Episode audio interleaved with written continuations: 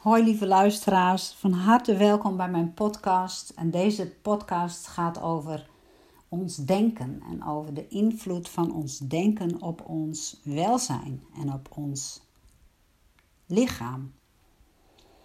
Ik lees hoofdstuk 5 uit het boek Een Nieuwe Aarde van Eckhart Tolle en dat is getiteld Het Pijnlichaam. En ik ga eens een aantal pagina's met jullie bespreken en dan probeer ik het ja, zo toegankelijk mogelijk te maken. En het helpt mij ook weer om te beseffen wat gedachten doen. En Eckhart Tolle schrijft: Het denken gebeurt door jou. Dus als je zegt ik denk, dan veronderstelt dat dat je kunt kiezen. Maar bij de meeste mensen, schrijft hij, is dat niet het geval. Ik denk is net zo onwaar als ik verteer mijn eten of ik laat het bloed door mijn aderen stromen. Want spijsvertering gebeurt en de bloedsomloop gebeurt ook.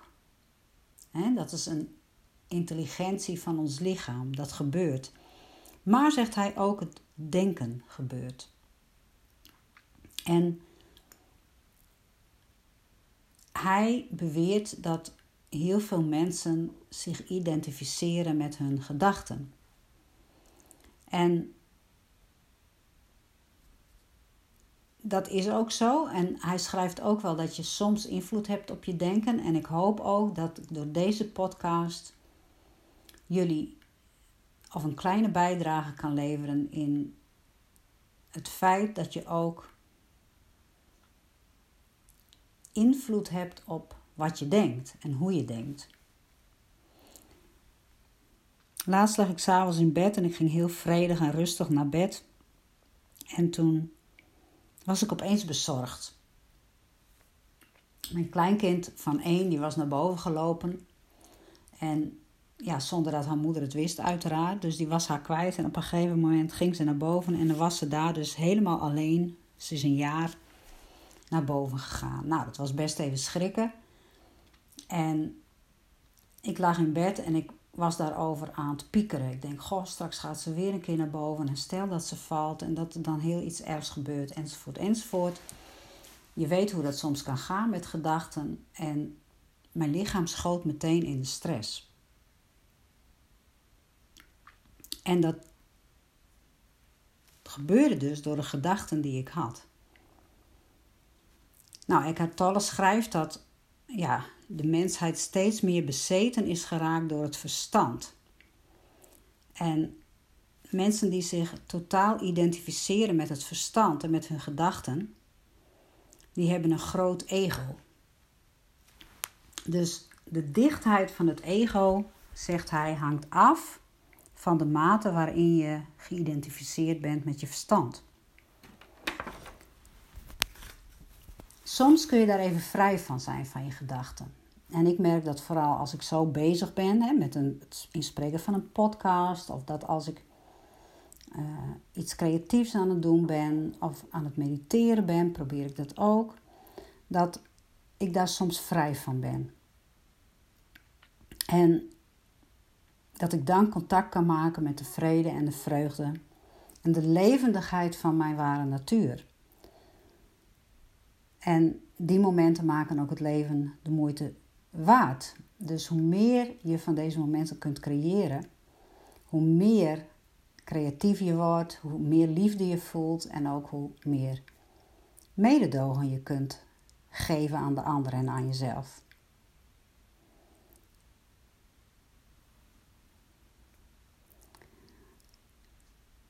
Als je zo in bed ligt en bezorgd bent, maar dat kan natuurlijk ook als je niet in bed ligt, maar als je bezorgd bent of angstige gedachten hebt, dan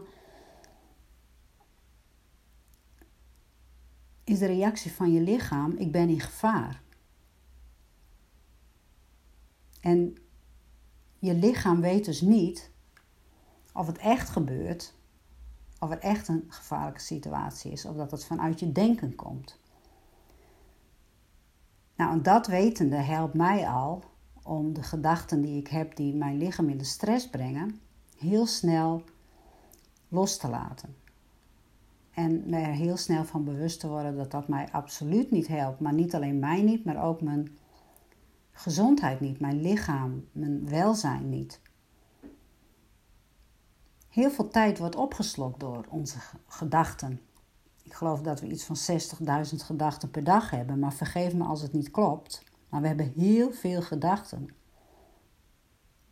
En deze gedachten zijn gebaseerd op het verleden of op de toekomst. En het verleden is geweest en de toekomst is er nog niet. Dus het klinkt misschien gek, maar heel veel gedachten zijn tijdverspilling. Want alleen in het hier en nu kun je je ware natuur vinden. En heel veel mensen zijn natuurlijk vervreemd van hun ware natuur.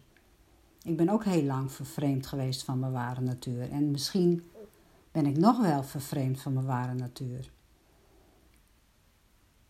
Maar ik ben wel aan het zoeken, aan het oefenen. En als je je totaal identificeert met je verstand, dan ontstaat er dus een, een onwaar zelfbesef. En dat noemt Tolle dan het ego.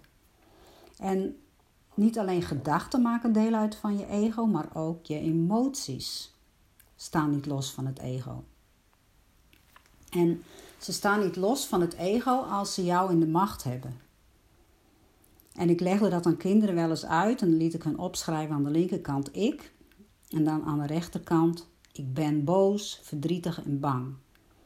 En ik zei, als je dan boos bent of verdrietig of bang, waar is dan die ik? Dus ik liet hen zo, ik probeerde hen zo duidelijk te maken dat zij niet boos en verdrietig en bang waren, maar dat ze dat voelden. Dus, maar dat zij ik waren. En dat snapten kinderen best wel.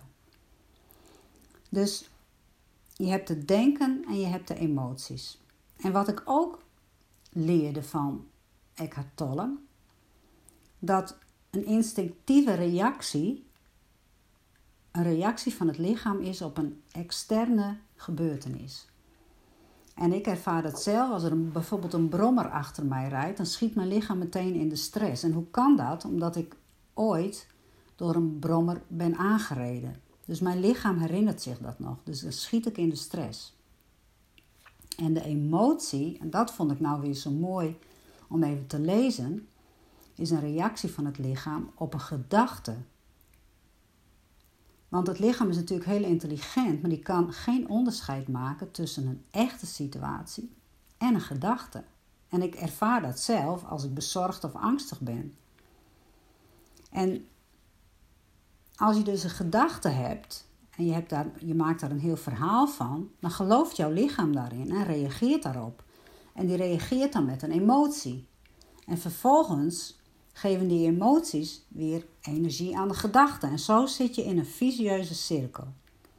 Dus je hebt de gedachte of je hebt een verhaal in je hoofd. Daar reageert je lichaam op. Dus als ik zeg, ik ben bang dat mijn kleinkind van de trap valt, krijg ik, voel ik stress en spanning in mijn lichaam. En vervolgens maak ik het nog erger, wat er dan nog meer kan gebeuren. Dus dan geef ik weer voeding, die emotie van angst, voedt weer die gedachte. En dan blijf je zo in een visieuze cirkel rondlopen. En dat is niet leuk.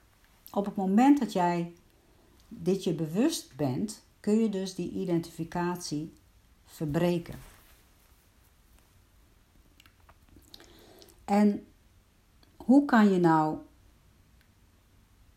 je gedachten onderzoeken want op het moment dat je ze niet onderzoekt, zijn ze dus onbewust en automatisch gaat dat dan. Dan gebeurt het denken door jou. Maar Byron Katie is een vrouw die heeft een boek geschreven, De Vier Vragen. En dat gaat over het onderzoeken van je gedachten.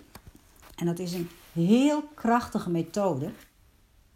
En ik heb daarover ook een boek, een uh, hoofdstuk in mijn boek opgenomen hoofdstuk 17. En daarboven heb ik staan: de essentie ligt niet in hoe leerlingen zich gedragen. En daar kun je ook kinderen van maken, hoe je kinderen zich gedragen, maar hoe jij daar als leraar of als ouder op reageert. En de titel van mijn boek is Zie hoe mooi ik ben. En het is geschreven voor leraren, maar ik krijg ook veel reacties van ouders die er veel van leren. En dat, daar ben ik heel blij mee. Want ja, als ouder ben je eigenlijk ook een leraar voor je kind. In dit hoofdstuk onderzoek ik een gedachte van een leraar. En dat is de gedachte: Johan is niet geïnteresseerd in mijn les. Dan kun je vier vragen stellen aan die gedachte. En dat kun je ook thuis doen hè, als je gedachten hebt. En de eerste vraag is: is dat waar? Is deze gedachte waar?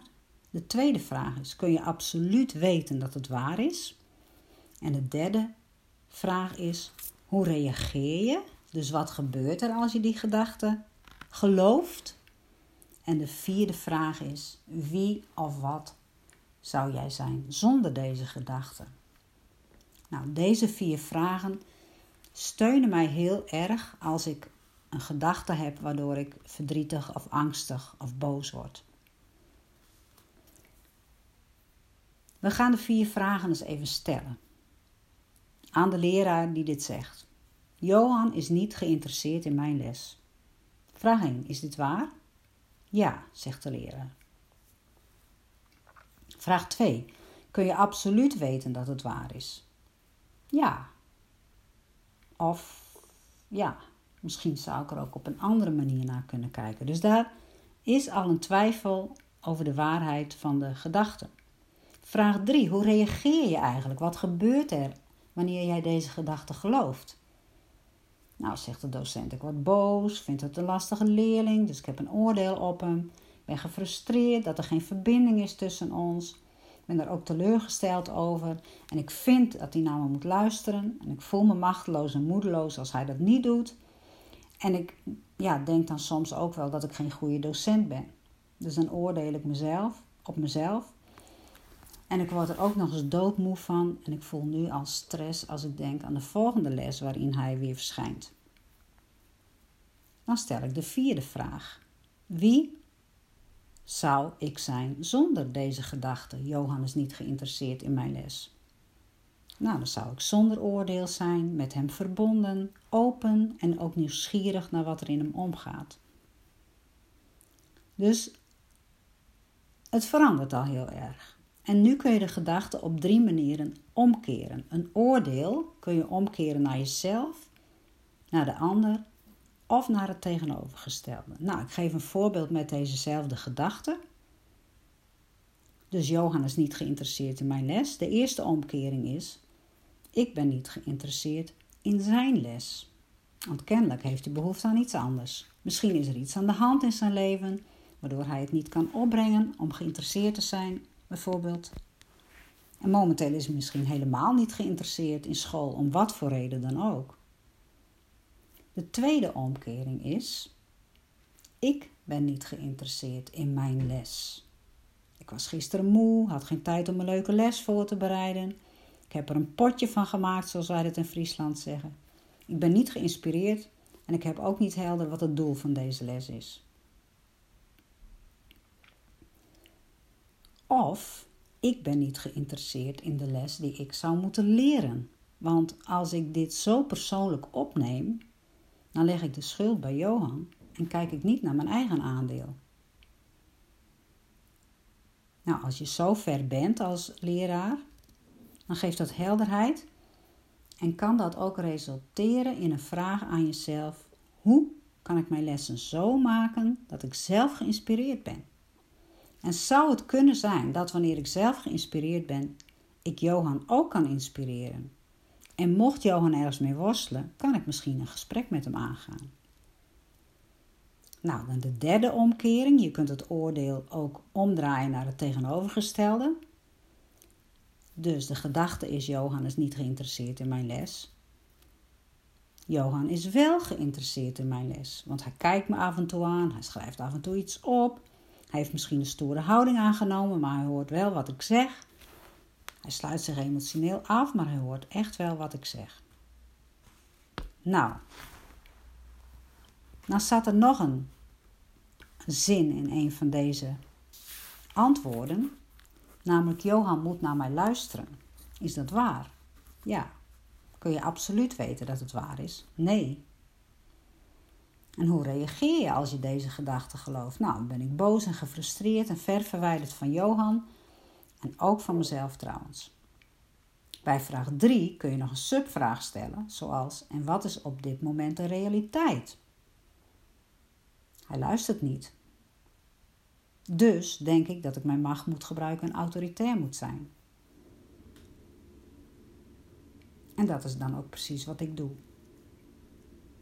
En hoe voel je je als je je macht gebruikt en autoritair bent? Nou, dat voelt helemaal niet goed. Ik voel me gespannen en ontevreden. En ik kan ook zien dat het niet waar is dat hij moet luisteren, want de realiteit is dat hij het niet doet. En dan heb ik het tussen haakjes achter gezet, net als dat er leerplicht is terwijl er duizenden leerlingen thuis zitten. Nou, wie zou je zijn zonder de gedachte: Johan moet naar mij luisteren? Nou, ik zou om mezelf moeten lachen en een volwassen persoon zijn die stevig in zichzelf verankerd is. Als ik die gedachte niet geloof, dan staan we weer op gelijke voet en stel ik mij niet op als autoritaire leraar. Dan zegt de leraar: Ik zie nu in dat Johan niet het probleem is, maar dat mijn gedachte over Johan het probleem veroorzaakt. Nu gaan we het eens omkeren. Johan moet naar mij luisteren. Ik moet naar hem luisteren. Keer het nog eens om. Ik moet naar mezelf luisteren. En dan, en dit is wel de moeilijkste misschien, keer het om naar het tegenovergestelde. Johan hoeft niet naar mij te luisteren. En zo krijg je weer als docent de macht over je eigen gedachten en over je eigen leven. Want als je je autoritaire machten gedraagt, omdat de leerling niet luistert, maak jij je gedrag afhankelijk van wat de leerling zegt of doet. En tegelijkertijd geef je hem de schuld van jouw gevoelens, van jouw emoties en van jouw gedachten. En dit voelt voor jezelf niet goed en is ook heel erg onveilig voor je leerling en ook voor je kinderen. Nou, ik vind dit een mega krachtige methode en in het boek van Byron Katie, De Vier Vragen, staan nog talloze voorbeelden waar je iets uit kunt leren.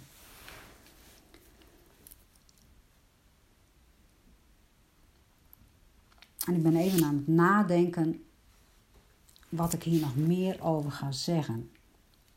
Dus gedachten die wekken emoties op in het lichaam.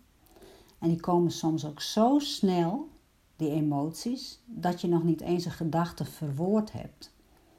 En dat is, heeft te maken met conditioneringen, met overtuigingen die je in je kindertijd hebt ja, opgeslagen. Bijvoorbeeld, het lukt me toch nooit, of niemand respecteert mij, of alle mannen zijn gevaarlijk, of niemand is betrouwbaar, of ik kan het toch niet goed doen. Ik verdien geen liefde, dat soort veronderstellingen, die zijn onbewust. En die wekken alle emoties op voordat je de gedachte hebt gehad. Dat zit gewoon zo in je systeem.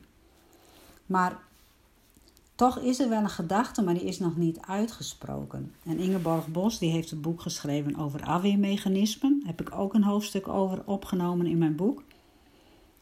Die zegt dan er gebeurt iets en dat raakt zo aan oude pijn dat je vliegensvlug in een uh, emotie schiet. Dat gebeurt op een onbewust niveau.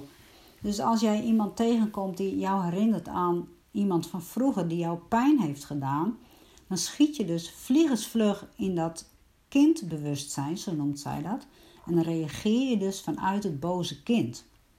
En ja, het zou heel fijn zijn als mensen daar bewustzijn op hebben. En als je er bewustzijn op hebt, dan lukt het soms nog niet hoor, om het te doorbreken. Maar hoe meer je daarmee oefent, hoe beter dat zal gaan.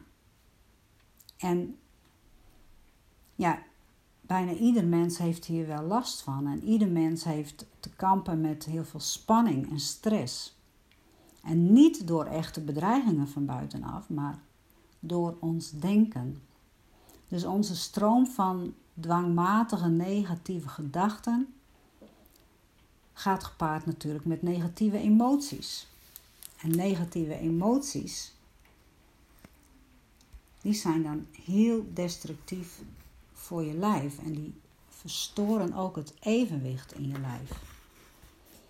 Dus als je angstig bent of bezorgd, als je woede voelt of wrok of verdriet of haat of intense afkeer, jaloezie,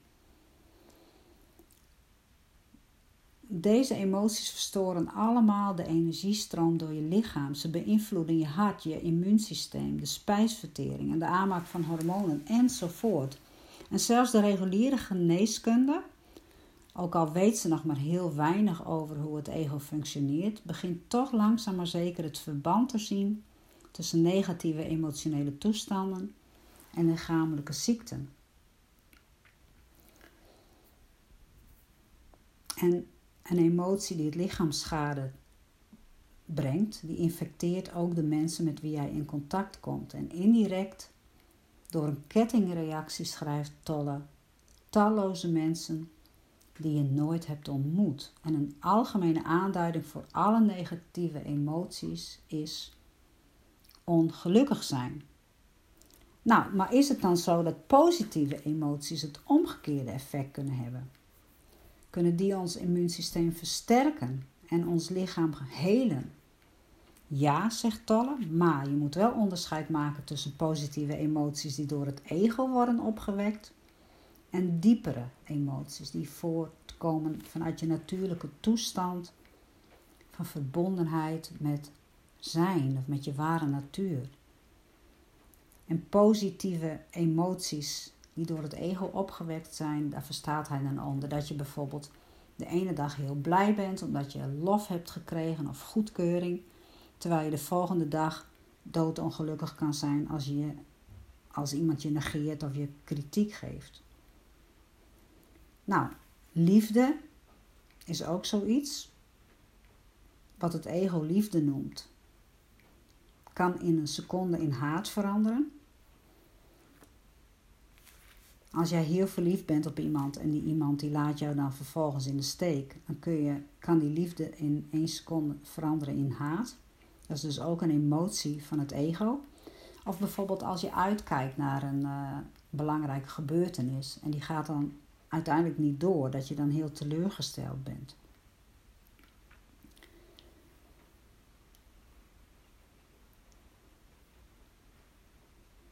De emoties die Tolle bedoelt. Die diepere emoties zijn geen emoties, zegt hij, maar zijnstoestanden. En zijnstoestanden kunnen verduisterd worden, maar hebben geen tegengestelde. Want door het ego opgewekte positieve emoties hebben hun tegendeel al in zich en kunnen daar heel gemakkelijk in veranderen. Maar die andere emoties, daar bedoel ik mee liefde, die vanuit jouw diepste zijn komt, vreugde en vrede.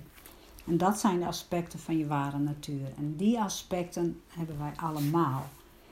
En wat ik met deze podcast eigenlijk wil zeggen, is dat je dus moet letten op de gedachten die je hebt. En als je een sterke emotie voelt van angst boosheid of jaloezie, dat je dan je er bewust van gaat worden welke gedachte daaraan vooraf ging. En dan kun je vervolgens deze gedachte onderzoeken. dat kan je echt heel erg helpen. Is het waar? Weet je zeker dat deze gedachte waar is? Want het komt ook voor dat wij interpreteren voor anderen of denken voor anderen. Maar weet je zeker dat het waar is? En hoe voel jij je als je deze gedachte denkt? En wie zou je zijn zonder deze gedachten? Nou, je kunt dan in een paar seconden van heel angstig naar heel rustig gaan. En dat is iets waar je in kunt oefenen. En dat zal niet heel gemakkelijk gaan. En het zal ook niet heel snel misschien gaan. Maar het is wel mogelijk.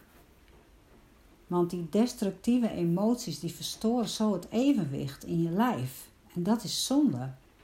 Dus ik hoop dat je na het beluisteren van deze podcast iets van inzicht hebt gekregen in de invloed van jouw denken op je lichamelijke en emotionele welzijn. Nou, dat was het voor vandaag. Ik wens je een hele fijne dag of avond of lekker slapen straks en misschien tot morgen.